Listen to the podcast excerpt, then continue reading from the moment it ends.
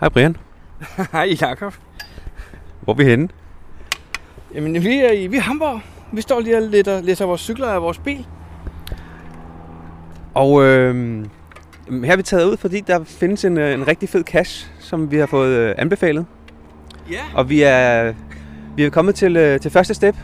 Eller vi har faktisk løst en, en, øh, en opgave hjemmefra. Ja, det har vi gjort. Det er jo ikke alle, der gør det. Nej, nej.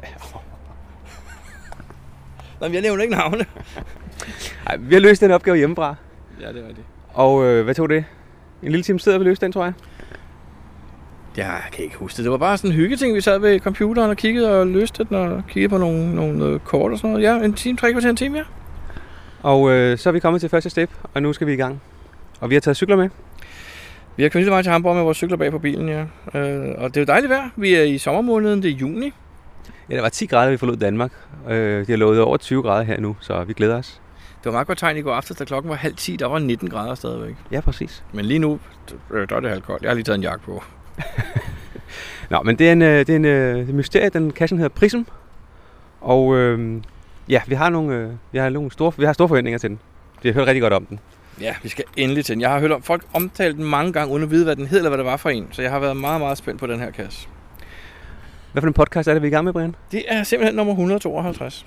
Så lad os starte podcasten og se og komme videre.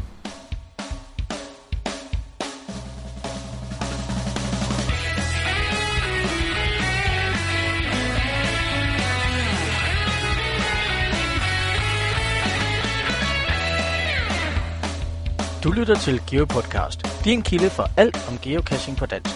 Husk at besøge vores hjemmeside, www.geopodcast.dk for links og andet godt.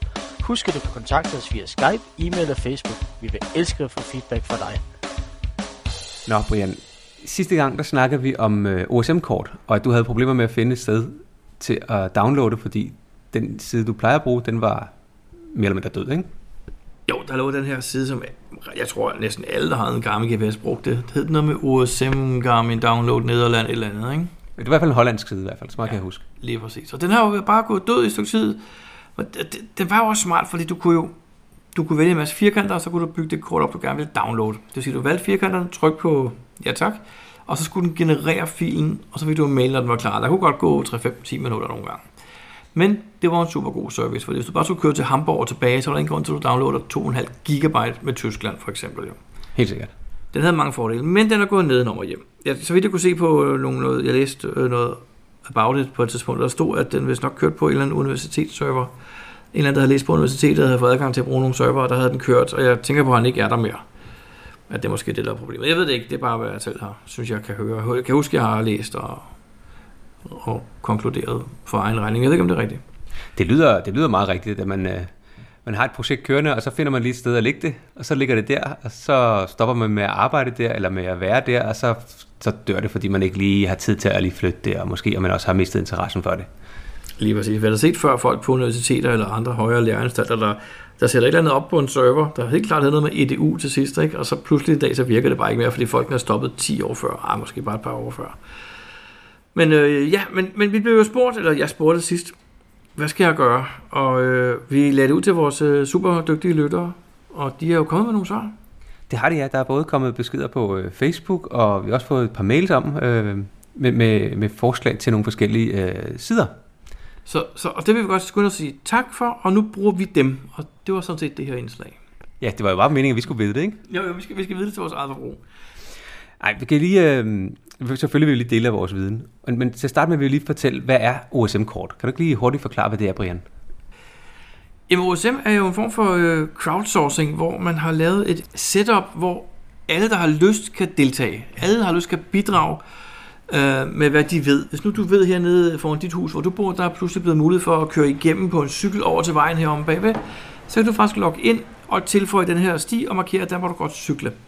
På den måde så bliver kortet udviklet og udviklet sig selv de små mindste veje i de små mindste byer er faktisk med efterhånden. Og samtidig er det en form for open source, så det koster ikke noget at se resultaterne. Det koster ikke noget at downloade resultaterne, og det er jo smart. Det er det. Og der findes en database, skal vi lige øh, øh slå fast. Det er, selvom der er mange der er hjemmesider, der, hvor man kan downloade dem, så øh, er selve dataene ligger et sted. Der er en hjemmeside, der hedder øh, OpenStreetMap, som jeg husker, hvor alt data ligger. Og det er altså de data, som de andre hjemmesider bruger. Fordi når man så, øh, hvis man vælger at sige, jamen nu vil jeg gerne lave et kort og øh, tildele eller dele det ud til øh, andre, så vælger man så at downloade nogle dele af den OpenStreetMap-kort. Og man kan jo så vælge, hvilke nogle dele man vil have med. Fordi for eksempel øh, behøver man ikke have øh, øh, hvad hedder det, langrenspisterne med, eller øh, hvad hedder det, skipister generelt, til et almindeligt kort, hvor man skal kunne navigere efter bil for eksempel. Så dem kan man eventuelt vælge fra. Og den sidste ting, man så gør, det er, at man kan lægge et, et slags øh, theme på, eller et slags øh, layout, et design. Fordi man kan vælge, hvordan øh, tingene skal se ud. Altså, at en vej, den skal have den og den farve, at en skov, øh, den og den type skov skal have den og den farve og den og den øh, mønster. Det er ting, man, øh, man, selv kan, øh, man selv kan lave. Og så kan man, øh, det bliver gemt i noget, der hedder en, øh, en typ-fil, TYP-fil. Og de forskellige hjemmesider har så enten valgt at sige, jamen øh, mit layout, det skal se sådan her ud. Og sådan kan du så vælge at downloade kortet. Andre, de har forskellige muligheder. Og hvis man er rigtig nørdet, kan man faktisk øh, enten øh, finde endnu flere af de der typfiler og lægge dem sammen med sit kort på en eller anden øh, lidt nørdet måde. Eller man kan vælge at lave sine egne typfiler, så man får kortet præcis, som man gerne vil have det.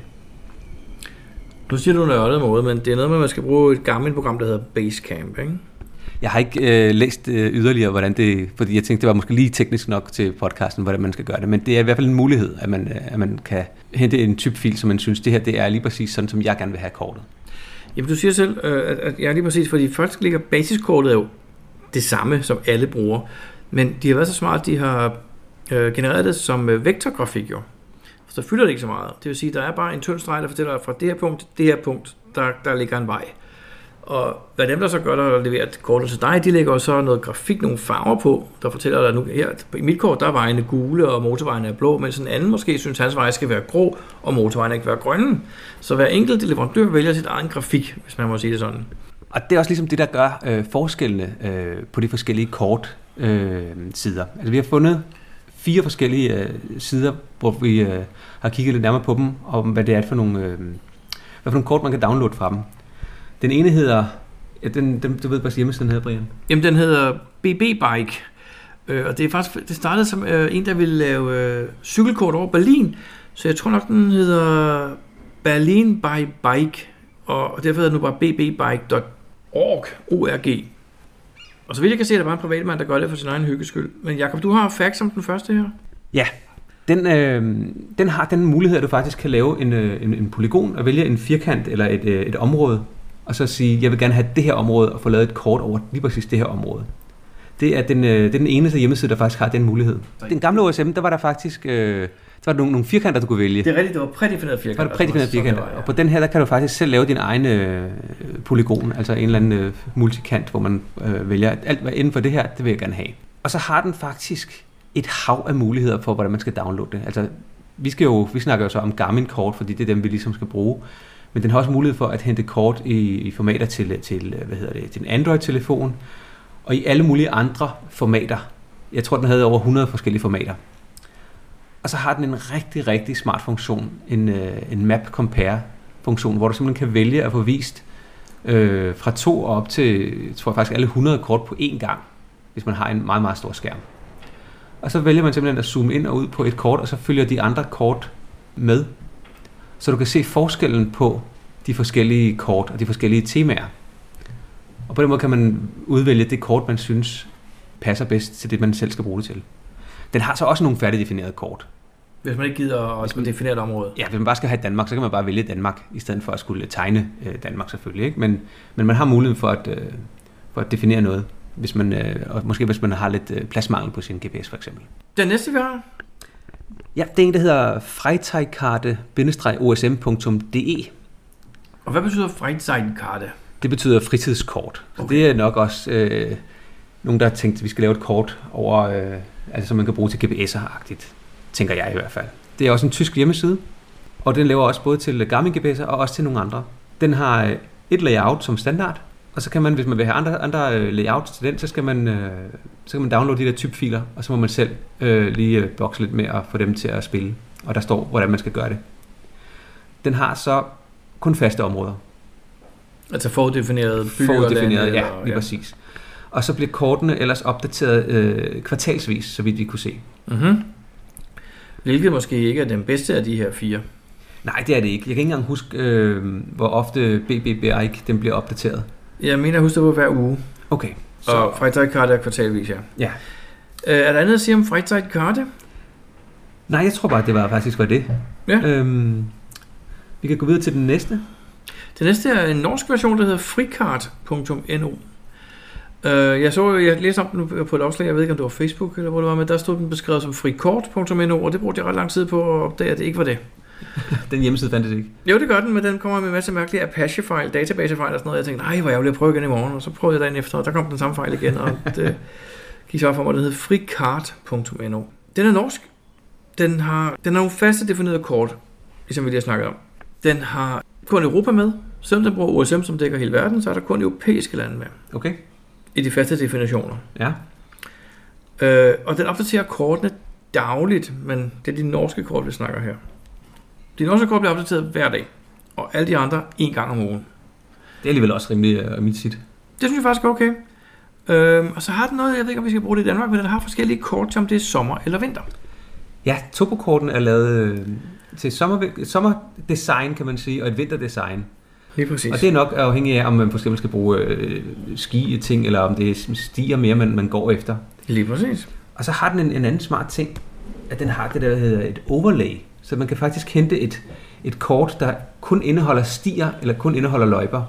Og det er så meningen, man lægger det oven i et andet kort, man har. Så man har et almindeligt topokort, og så kan man lægge det andet topokort, slå det til også, og så ligger det så oveni. Jamen det, jeg havde i lang tid på et turbokort og et almindeligt kort på min, fordi jeg gad ikke at, at bruge turbokortet, hvis jeg ikke var i, ude i naturen jo. Ja. Nu kunne det være smart at få stierne lagt oven på et bygkort faktisk jo. Det kunne være ret praktisk. Hvis det er lavet rigtigt, eller skal man sige ordentligt, Ja. kan man sige. Ikke? Ja, Cool. det er ret smart. Hvad ved vi ellers om frikart.no? Jamen, den har, ja, korten er til Garmin GPS. Den har ikke til så meget andre, så vidt jeg kunne, øh, kunne se. Og det er også øh, meget aktuelt jo. Det er jo lige præcis for os, er det jo fint, jo, ja. Og så havde den lige præcis de der synes, øh, to-tre forskellige designs, også til vejkort og til topokort og så videre. Så der er mange muligheder, man kan, man kan vælge. Den fjerde, Det er en, der hedder userbeam.de. også en tysker. Også en tysk, ja. Tre ud af de her fire er tyskere faktisk. Ja, og den sidste er norsk. Ja. Så vidt vi kan se, så er øh, alle kortene faste. Der er et for hvert land nærmest. Og de er syv dage gamle max. Jeg tror, der er enkelte, der er ældre. Vi så et andet i Kazakhstan, eller hvad det var for noget, Ja. der var vist nok 14 dage eller sådan noget, ikke? Men, men der er nok ikke sket noget på de kort siden. Jeg tænker, mås- jeg tænker måske også, at hvis man, hvis, hvis man ligesom kan se, at der ikke er sket nogen ændringer, så er der ingen grund til at lave et nyt kort. Nej, nemlig. Men øh, alle dem i Europa, som umiddelbart, de var maks 7 dage gamle. Der er et layout, og mange af de labels, der er vist, de er så på tysk. Så det skal man øh, lige være ops på. Men ellers så så den også øh, rigtig fin ud.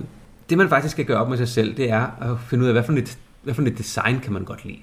Altså, hvad for, en, hvad for nogle farver kan man godt lide på, sit, øh, på sin GPS? Hvad for nogle passer til din GPS? Det kan godt være, at øh, kortet ser bedre ud på, på en øh, touchskærm end på en anden, fordi skærmtyperne er lidt forskellige. Mm-hmm. Mm-hmm. Øh, så der skal man nok finde ud af, hvad for en passer dig bedst. Og det kan jo også godt være, at man har, øh, at øh, inde i byerne, der kan man bedre lide en type kort, og ude i naturen kan man bedre lide en anden type kort. Jeg kan huske, der var et, et kort, hvor at skoven det var markeret grønt med nogle, nogle hvide cirkler, eller sådan et eller andet åndssvagt, hvor jeg bare tænkte, det var da meget irriterende øh, at se så meget skov, når man nu gik meget rundt inde i skoven og geocachede. Så det kort er måske ikke så egnet til det, men måske var det rigtig godt til bycaching. Så det kan godt være, at man, man måske kan vælge at have to kort, som man kan skifte mellem, hvis, øh, hvis det er. Og ellers så er det bare at finde det design, man kan lide, og så bruge den hjemmeside, fordi jeg ved, det, dataene bag er jo de samme. Ja. Der kan selvfølgelig være noget med, hvor mange stier den ene tager med i forhold til den anden. Det kan man også lige tage med i sin, øh, i sin undersøgelser, når man skal kigge på. Jeg har leget lidt med nogle af dem, og jeg kan faktisk rigtig godt lide den første, vi nævnte, den hedder BB Bike. Ja. Øh, og det er, fordi den har de frie områder. De, de polygoner, man kan tegne med, Mhm. mm-hmm. og, og vælge, hvad man skal bruge. Ja. Men så kan jeg faktisk også godt lide den norske. Hvad var der godt ved det? Frikort endnu. Jeg kan faktisk godt lide, at, øhm, at han, han ligesom siger, at de, jamen jeg, de, jeg kan egentlig bare godt lide designet på hjemmesiden og brugervenligheden. Jeg synes, det var rigtig god. Ja. Så de to er mine favoritter. Okay. Jeg har ikke, jeg har ikke fået en, fundet en favorit endnu. Jeg Men skal jeg lige tænker- tænker, kigge lidt på, på designsene og sådan noget først. Jeg tænker faktisk også, en af de smarte ting, jeg godt kunne tænke mig at bruge, og som jeg faktisk tror virker, på Userbeam, jeg har ikke fået testet det 100% endnu, at øh, hvis du gerne vil downloade Tyskland eller Danmark en gang imellem, så kan du simpelthen la- gemme download-linket direkte som et favorit, og bare bruge det, så du skal ind på hjemmesiden og finde det hver gang. Så du Nå, gør en favorit, smart. og så download den derfra, for det ser ud til, at den bruger den samme URL hver gang til det samme kort. Det er lidt smart. Ja. Uh, hvis det er rigtigt, så er Userbeam helt klart en, en favorit også. Ja. Men jeg synes lige, vi skal nævne de tre, fire hjemmesider igen, fordi der er måske nogen, der sidder og tænker, ej, ej, kan I ikke lige sige dem igen, for jeg nåede ikke at skrive dem ned. God så. Jacob, hvad, hvad hed den første? Den første, den hedder bbbike.org. Nemlig, og nummer to var, Freizeitkarte-USM. det kan være, du lige skal stave til Freizeit. Det kan jeg godt. E F-R-E-I-Z-E-I-T K-A-R-T-E-OSM.de Perfekt. Og den norske hedder, frikart.no ligesom et frikort med bare med A, frikart. Ja. og den sidste userbeam E U-S-E-R-B-E-A-M.de Skal vi prøve denne gang at lægge linkene i vores notes på Ja, hjemmesiden? lad os prøve at se, om ikke vi kan huske det. Det tror jeg godt, vi kan. Og måske vi også kan lægge dem i, øh, når vi er på, på, på posten i Når Facebook. vi, og sådan ja, når vi nu poster, at vi har lavet en podcast ja. her engang i efteråret og vinteren, så kan vi jo lægge den på det også. Ja, præcis. Og ellers, hvis, hvis øh, der er nogen, der har nogle øh, yderligere kommentarer eller andet, så kom gerne med dem. Så kan vi øh, eventuelt videreformidle det, og så kan vi alle sammen blive klogere på de her OSM-kort. Fordi det er, det er noget billigere end at bruge de der Garmin. Som man stadig kan købe, hvilket undrer mig Ja, meget. jeg forstår det heller ikke. Hvem Ja, ja. køber dem? Nej, det gør selvfølgelig folk, der ikke gider at sætte sig ned og finde sådan noget her. Det er dejligt at til noget OSM. Jeg kan godt lide sådan nogle, øh, sådan nogle crowd-ting. Har du nogensinde selv tilføjet veje på OSM? Ikke veje, men jeg har været inde og rette lidt i OSM-kortet, faktisk. Så som...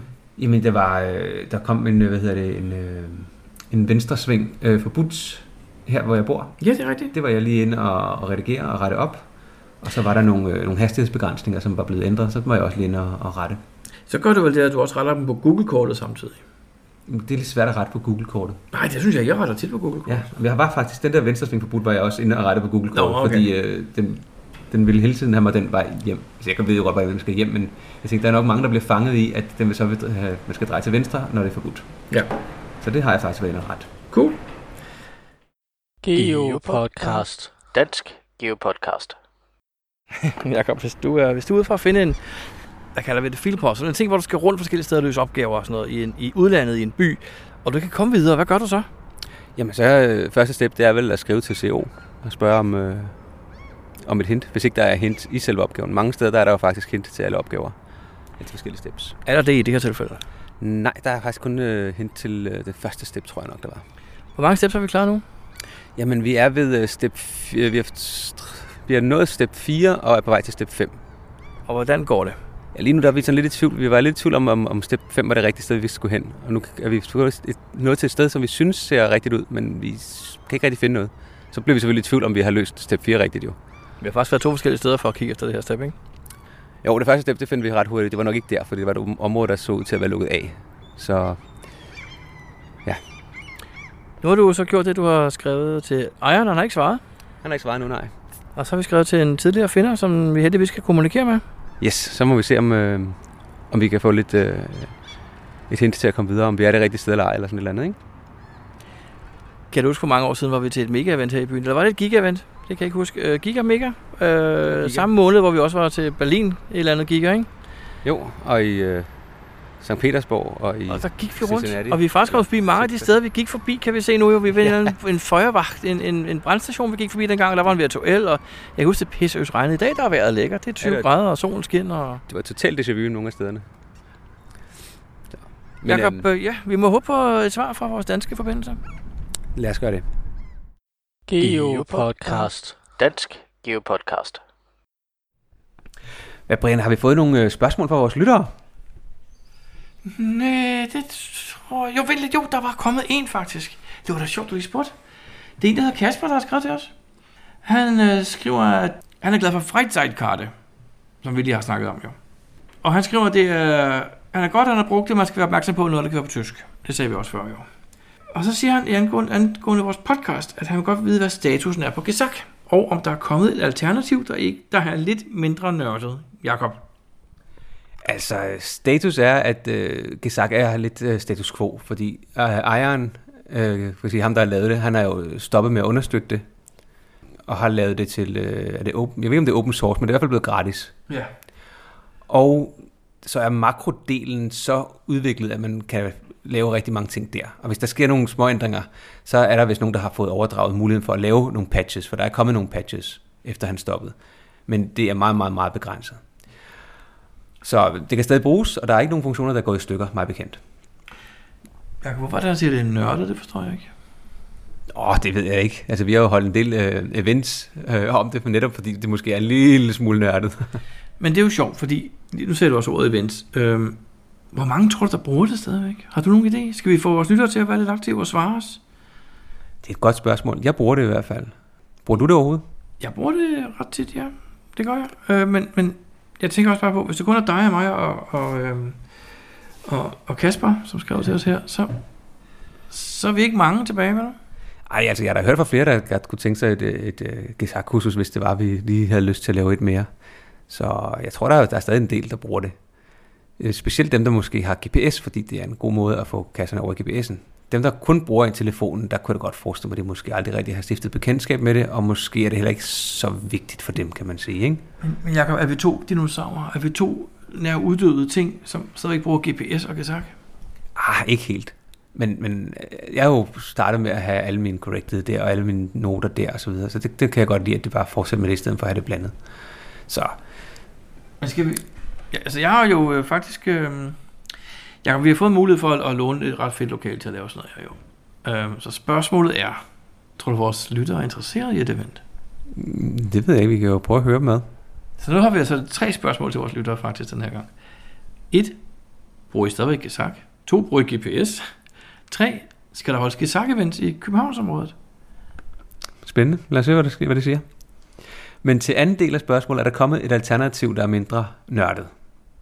Kender du et, Brian? Nej, det gør jeg faktisk ikke. Øh, der, der var jo, var det Segeo, der nærmest fungerer som Gesak efterhånden. Du kan, du kan, hvad var det for en, du kunne låne en Gesak-database i ind i? Gedak. Undskyld, det var Gedak, ja. Gedak. Der kunne du tage din Gesak-database og lægge direkte over. Jeg havde den på din telefon, for eksempel. Ja, øh, vi har kun til Android. Vi har kun til Android, men er helt klart nemmere at tilgå end Gesak. Men det kræver, at du kender Gesak, for du skal bruge databasen derfra, ikke? Jo, og så kan du, den her, du har heller ikke så mange muligheder. Øh, Ja, det er en visning af Gesak, ikke? ja, det er mere en visning, og så kan du filtrere, men, men du kan ikke lave øh, nogle smarte ting på nogen måde i, i programmet. Hmm. Nej, jeg, jeg kender faktisk heller ikke nogen alternativer til, øh, til, til. Der er altså kommet nogle hjemmesider, der kan nogle ting, men, men slet ikke... Øh, slet ikke noget der, der, i nærheden, hvor man kan samle og, og sortere og filtrere og gøre på, på samme måde som med, med Gesak. Det tror jeg ikke. Nej. Kasper spørger også om en anden ting, mens han, i hans mail her, han skriver, hvordan kan man elektronisk planlægge og finde udvalgte caches, for eksempel 15 specifikke, i en bestemt rækkefølge, i et område, hvor der er andre kasser? Her tænker jeg på, hvordan, hvordan man med GPS eller mobil kan blive guidet hen mod den næste på listen, uden manuelt at skulle vælge den på kortet blandt alle de andre kasser. Forslag? Ja, altså sådan en helt fuldautomatisk, at når du kommer frem til den ene, så starter den automatisk med at køre dig videre til den næste. Det kan man, øh, nogle GPS'er kan man lave noget, der hedder en rute, og så, kan den, og så er den ligesom øh, sat op der. Øhm, men det tror jeg er manuelt arbejde. Jeg har ikke kunne finde nogen måde, hvor man kan overføre en rute lavet et andet sted på en nemmere måde. Men et alternativ er at tage de 15 kasser, man, øh, man vil finde, og oprette dem i en øh, liste på geocaching.com. Og så kan man i, i øh, geocaching.com-appen, og måske også nogle andre apps, forvise den liste, og ikke andre kasser. Man har så ikke rækkefølgen, men du har ikke alle de 200 andre kasser, der ligger og forstyrrer. Nogle GPS'er kan faktisk vise listen direkte, jo. Det er rigtigt. Hvis de er koblet op på nettet, så kan mange af Garmin GPS'erne, de kan vise listen, og så kan du vælge at få, vist, øh, få fjernet alle andre øh, kasser. Så det er en mulighed. Og så er der en tredje mulighed, Brian. Jamen det er jo øh, en, en norsk hjemmeside igen, der hedder kastur.no. Og øh, jeg har aldrig fået leget så meget med den. Men vi har lige siddet og kigget på den lidt nu, der er jeg. Og den kan faktisk rigtig mange ting. Det kan virkelig mange ting. Ja. Man kan blandt andet lave sådan en tur, præcis som det bliver beskrevet her. Du kan lave en tur, du kan lægge dem ind i rækkefølge, du kan få den til at vise på et kort, hvad vej du skal gå og køre, og hvad du skal. Øh, Men den kan ikke navigere til kasserne. Den kan bare vise dig, hvad den næste er på et kort på din mobiltelefon, for der hører også en app til Kastur.no nu. Øh, Det ser ret smart ud, og, det, og så kan du direkte ind fra NO-appen trykke på den cache, du gerne besøg, og så vælger at trykke på gå til geocaching.com-appen, og så starter den den anden app op, og så bruger du den til at navigere med, og så går du tilbage til NO og ser, hvad det næste er, du skal besøge. Og den holder øje med, hvor lang tid du har været om det, og den kan hele tiden vise dig, hvornår du er færdig med din tur, og det er, det er faktisk, det ser ret avanceret ud. Det ser ret smart ud. Ja, jeg tror, vi øh, på et eller andet tidspunkt skal, øh, skal kigge nærmere på den og lave en, øh, en, en podcast måske om den. Fordi det er, det er meget, meget... Øh, det, er, det, en, det er en større omgang Og det har vi ikke tid til i den her podcast, og vi har ikke haft tid til at kigge nærmere på det. Men det er også en mulighed i hvert fald. Har du ellers nogle, øh, nogle tanker om, hvad man ellers skal bruge til at lave sådan en, en tur? Nej, ja, du har nævnt det rigtige, synes jeg. Det er det samme, jeg tænkte, at lave en liste på .com. Jeg vil lige sige tak til Kasper for hans mail. Han har også skrevet nogle andre meget søde ting til os. Ja. Og en, en, en, en, en sidste ting, hvis man, øh, hvis man har GPS'en faktisk, så kan du også vælge at, at eksportere øh, de 15 kasser i en separat øh, GPX-fil. Og der kan man i GPS'en jo vælge at kun at få vist den ene af de GPX-filer for eksempel, der ligger. Og så har du igen kun de 15, som du vil finde. Du har så ikke rækkefølge, men du har ikke alt det andet klotteret, der klotter til din, øh, din skærm til. Det er også en lille mulighed. Det er rigtigt. Godt husket. Geopodcast. Dansk Geopodcast. Jakob, blod, sved og tårer senere. Ah, så slemt var det da heller ikke, var Brian? Vi gjorde noget, vi ikke plejer at gøre. Vi, øh, vi har sgu taget fejl eller noget. Ja, det gjorde vi. Der var et, øh, der var et skilt, der så meget hjemmelavet ud, og tænkte, det, der, det, må være, det må være et eller andet, der, der skal føre os videre. Men det viste sig ikke at være rigtigt. Det kunne tolkes på to måder, så vi var faktisk to forkerte steder at prøve. Ja, det var vi faktisk. Heldigvis var vi på cykel, så det var ikke rigtig et stort problem at komme tilbage igen. Så Jeg tænker lidt på, hvad cash har tænkt, da han fik en mail fra os, og sagde, hej, nu står vi her ved... Øh... ja, jeg kan godt sige, hvad det er, for det var helt forkert. Jo, vi står her ved brandstationen. Hvad skal vi nu? Han må have tænkt, what are you talking about? altså, man kan håbe på, at, det, at den der sms, vi sendte, den øh, på en eller anden måde ikke er kommet frem. ja. Så, nå, men øh, nu er vi ankommet til, øh, til final. Og øh, her er der så også en, øh, en opgave, der skal løses, skal vi se. Jakob, Men, øhm, hvad, hvad, ja. hvad kan vi sige om det, uden at sige noget? Hvad kan vi sige? Men øh, der er vel nogle steps, øh, og så er der en final. Og vi ved ikke, hvor lang tid det tager at tage final. Vi ved, at øh, vi har brugt... Hvor lang tid har vi brugt nu? Et par To og en timer halv time, tror jeg. på, på det indledende steps. Nej, det passer, vi brugte faktisk også lige en halv time i går på at lave det første trin, ikke? Ja, det er selvfølgelig rigtigt. Ja, det er rigtigt. Og øh, ja, det er en tur på, på omkring 7 km. Og det er ikke en rundtur. Det er faktisk derfor, vi har slæbt vores cykler med hele vejen til Hamburg. Ja, det var lidt nemmere, end at skulle øh, gå. Og det, her, når man øh, tænker på, at vi også er gået forkert, så var det faktisk rigtig rart, at vi ikke skulle gå ekstra meget. Ja, for vi gik faktisk først 715 meter forkert i den ene retning, og så 715 meter forkert i den anden retning. Halvanden kilometer, og så tilbage igen. Ja, det var en direkte luftlinje, så vi skulle også lige... Øh, Ja, vi har nok gået 3 km forkert i hvert fald på den der, ikke? ah, jeg tror ikke, det var så meget. Men skidt byt. Ja, ja. Ej, vi gik 700, og- var det 715, ikke? Den ene vej tilbage til 0, og så 715 den anden vej tilbage til 0. Så... øh, Små 3 km vil jeg påstå. Okay. Men ja, det er også lige meget. Vi er bare... Det skal vi ikke, jeg, jeg, jeg tænkte, vi skal aftale, at vi ikke siger det til nogen. Ja, og vi var faktisk heller ikke tilbage helt ved 0 til, øh, mellem de to, fordi der havde vi vist, hvad vi også skulle. Om vi kunne se 0. Nå, vi skal i gang med, øh, med slutkassen. Og øh, så øh, snakkes vi ved. Jeg skal lige høre om ting. Indtil nu, vil du så give den favoritpoint, tror du, eller, eller kommer det an på slutkassen? Altså indtil nu, der synes jeg allerede, den har for, fortjent øh, favoritpoint, ja. Men øh, lad os øh, kigge, hvad slutkassen den, øh, den siger, om den ødelægger det hele, eller om den øh, bare forstærker det. Det kan være, at den gør, at den skal have to favoritpoint hver. Ja, lige præcis. Cool. Geopodcast. Dansk Geopodcast. Nå, Brian, nu er vi jo øh, rundt på den der øh, prism, Mm. som vi snakker om i den her podcast. Men vi har faktisk også lavet noget andet, mens vi var i Hamburg. Jamen, øh, vi blev enige om at øh, bruge et par timer en morgen på at lave noget andet, der ikke har med caching at gøre. Øhm, og du nævnte, og jeg havde godt set, det fandtes, jeg havde bare aldrig selv tænkt på at egentlig at gå derind, men der findes jo sådan et miniatyr Wunderland i Hamburg. Det er rigtigt, ja. Det har jeg kigget på for mange år siden og tænkt, det der, det skal jeg en dag ind og kigge. Hvad er det, Brian? Jamen, det er jo, som det siger, det er en lille modeljernbane, en mand har bygget ned i sin kælder. Måske til at starte med. Og nu fylder det så fire etager i et gigantisk parkhus. Men du sagde jo, du, du ville starte med starten, fordi du, du læste op fra en hjemmeside, at vi skulle booke tid, sagde du til mig. Ja, det er rigtigt. Man skulle øh, booke, hvornår man ville komme. Eller øh, alternativt kunne man bare dukke op. Det var der også mulighed for. Øhm, der var booket øh, det meste af weekenden. Og de dage, hvor der øh, de der øh, tider, hvor man så kunne dukke op, der stod der, der kunne være op til 360 minutters ventetid.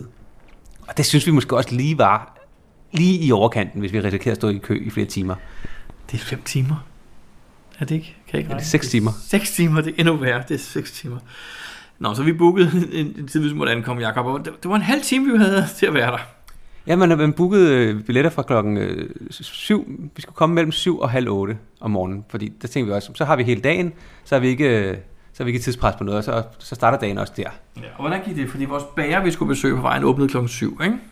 Jamen, vi havde jo også til klokken halv 8, mm-hmm. og vi fik en mail om, at vi skulle helst komme øh, i den sidste halvdel af, af vores slot. det var så sindssygt. Men Jacob, hvad var så der skete, efter vi havde til bageren? Jamen, så fandt vi en, øh, en parkeringsplads øh, slash ladeplads til bilen. Nej, for nu husker jeg det ikke. Jeg husker, der var øh, triathlon eller et eller andet i byen, så hele byen var spærret af, og vi kunne dårligt komme hen til, hvor vi skulle. Det er rigtigt, ja. Vi havde lidt problemer med at komme tæt nok til det, hvor vi skulle hen, øh, med bilen i hvert fald.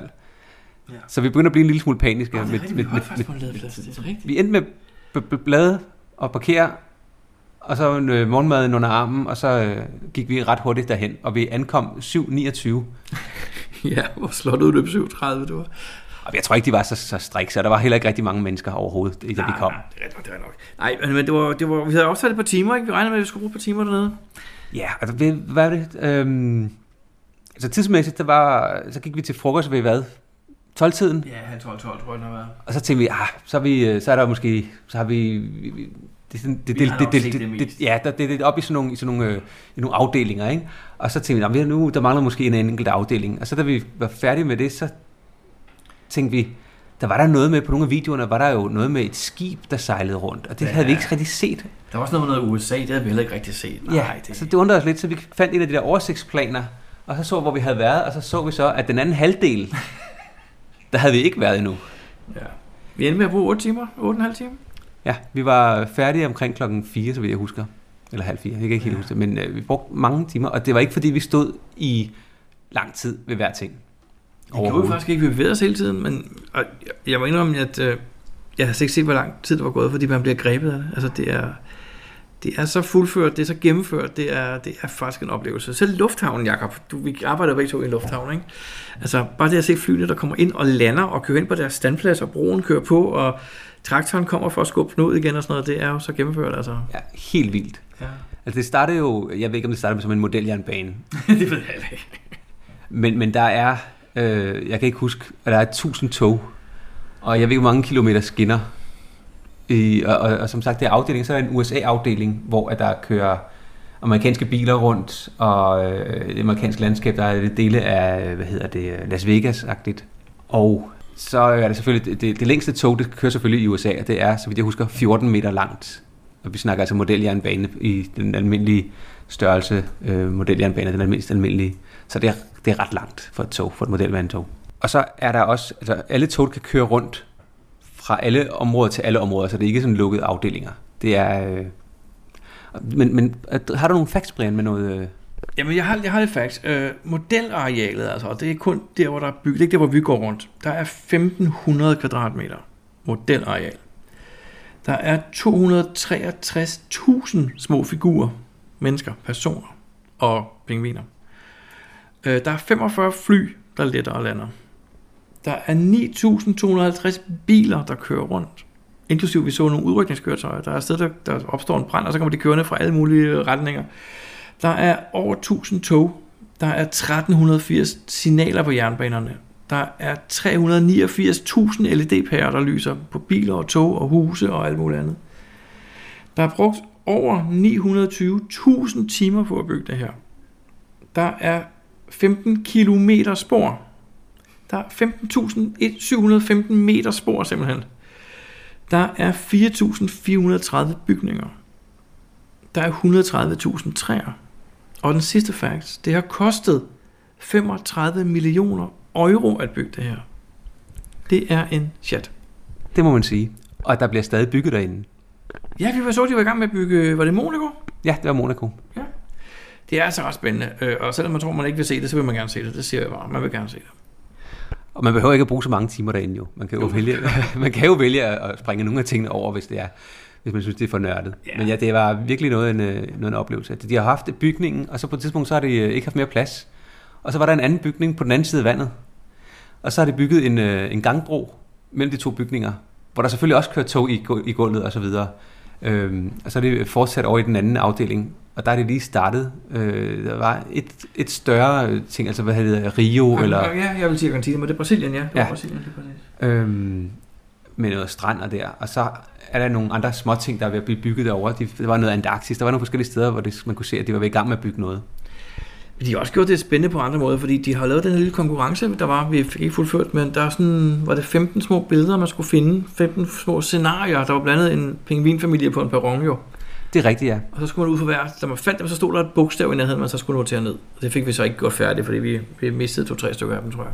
Ja, og vi, vi, da vi havde været det hele igennem, så vi, "Ej, vi gider ikke tage det hele en gang til for at finde de der. Det, der, der, der stoppede vi ligesom. Det var, det var lidt til børnene, men der var så også lavet noget til de voksne jo. Fordi, fordi som du sagde på det tidspunkt, Jacob, Brian, prøv lige at kigge ind i den lejlighed lige der. Og når man så går ned og kigger ind igennem vinduerne, så kan man faktisk se, hvad folk laver, når de er i deres egen lejligheder jo. Nå, okay, hvad er det for nogle ting? Der var nogen, der fejrede deres ægteskab, for eksempel. Okay. Jeg, jeg synes også, jeg så en, der var en kopimaskine, hvor der var nogen, der sad oven på kopimaskinen faktisk. Jamen, der var også nogle steder ude i skoven, du kan se folk, der, der sådan lå og, og solede sig. Ja, Ja. og, og ikke havde så meget tøj på. Jamen, der var faktisk mange små sjove øh, ting. Der var et sted, hvor der stod tre piger, der løftede op i trøjerne, og så var ham manden, der stod, og hans øjne stod ud af hovedet, ligesom i en tegneserie. Altså, det var, sådan, det var meget sjovt. Der var mange sjove ting. Så det kan, det kan anbefales. Og det, hvad koster det at komme ind, Brian? Jeg hus- husker det, som om det var 20 euro. Nu sidder jeg faktisk med hjemmesiden lige her, og der står... Øh, Det koster 20 euro. Det er, Det er- er, det er 20 euro, det koster at komme ind. Ja. øh, og vi kan så også sætte, at børn op til 15 år koster kun 12,5 euro, og seniorer koster 18, og det er det værd. Det vil jeg også sige. Det var, øh, det var pengene godt givet ud. Og øh, det gode ved at komme om morgenen, det var, at om morgenen var der faktisk ikke så mange mennesker. Der kom så flere og flere mennesker efterhånden. Og øh, jeg tror, det bedste tidspunkt ellers, hvis man ikke er så morgenmenneske, det er måske øh, at komme ved aftensmadstid, når alle børnene de skal spise aftensmad. For så tror jeg, de forsvinder igen. Der, der var lidt et, øh, et, et, der var lidt pres, da alle børnene kom. Um, Ja, det var der. ja, de rendte lidt rundt med benene på en og masede sig en eller anden sted. Men, men børn og børn, og sådan er det bare. Det er jo fint nok. Og så har de nogle af dagene, hvor de faktisk har åbent til klokken 1 om natten. Ja. ja, nu du siger nat, der skete jo faktisk det hver kvarter. Øh, så, så blev lyset sænket, som om det var nat. Og så blev der tændt lys i alle huse og gadelamper og sådan noget. Det, var, det er ret gennemført, det er det virkelig. Det var meget imponerende, ja. Så det er en anbefaling herfra i hvert fald. Geopodcast. Dansk Geopodcast. Jakob, øh, hvor varmt er der? Hvor varmt har du det lige nu? Jeg har det sådan pænt varmt faktisk. Jeg er glad for, at vi havde noget, vi nåede at købe en, øh, en cola og lidt, øh, lidt læskende undervejs. Fordi det har, jeg- det har jeg brug for nu. Og jeg, tror også, jeg spurgte om det her før. Hvad øh, kan vi sige uden at sige noget? Jeg synes faktisk ikke rigtigt, man kan sige noget nu. Andet end, at det er en, øh, en fed finale. Du har fundet mange kasser i Tyskland. Hvad, hvis nu vi laver en top 10, er den her så med på den? Ja, den kommer nok øh, med på top 10. Det gør den.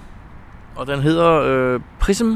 Ja, det gør den. Prism, jeg kan ikke lige huske GC-nummer, det kommer i show notes. Nej, det var... Øh, den, ligger, den ligger ret højt i, på Wilson i øh, Hamburg. Så kan man nok gerne finde den øh, der.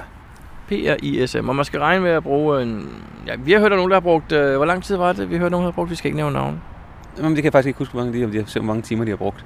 Men man skal regne med, at man skal bruge lidt tid øh, hjemme foran computeren til startopgaven. Og så skal man øh, bruge en, ja det ved jeg ikke, 3, 4, 5 timer derude, tror jeg. Det lyder meget rigtigt, Jacob. Vi skal måske også lige, for ikke at afskrække nogen, sige, at startopgaven er faktisk ikke svær. Den er bare sjov og tager en times tid, ikke? Jo, hvis man... Øh, Med Det er- computerarbejde og to skærme åbne, ikke? det gør det nemmere i hvert fald. Men det er ikke noget, det er ikke noget øh, voldsomt, hvor man skal kunne alle mulige mærkelige øh, kodeting eller noget. Men det er faktisk en, hel serie af aha-oplevelser, hvor man siger, Æh, den er der, ja, den, ja, ja, ja, lige præcis. Ja, præcis. Så... Giver hvad, Brian, øh, giver du den favoritpoint? Ja, selvfølgelig gør det. Jeg har alligevel 1000, jeg ikke ved, hvad jeg skal bruge til. Ja, jeg giver den også et. Jeg har ikke, jeg har ikke særlig mange tilbage, men jeg, den, den øh, fortjener et favoritpoint. Helt sikkert. Hvis den skulle forbedres, Jacob, hvad vil du så sige? Jeg vil foreslå noget med ventilation. Ja, måske. Men øh, med det synes jeg, vi skal øh, slutte af på vores øh, podcast nummer 152. Det er i orden. Så lad os se, om vi kan nå at lave en til, inden, øh, inden vi skal til Seattle, ikke? Jo, lad os øh, satse på det.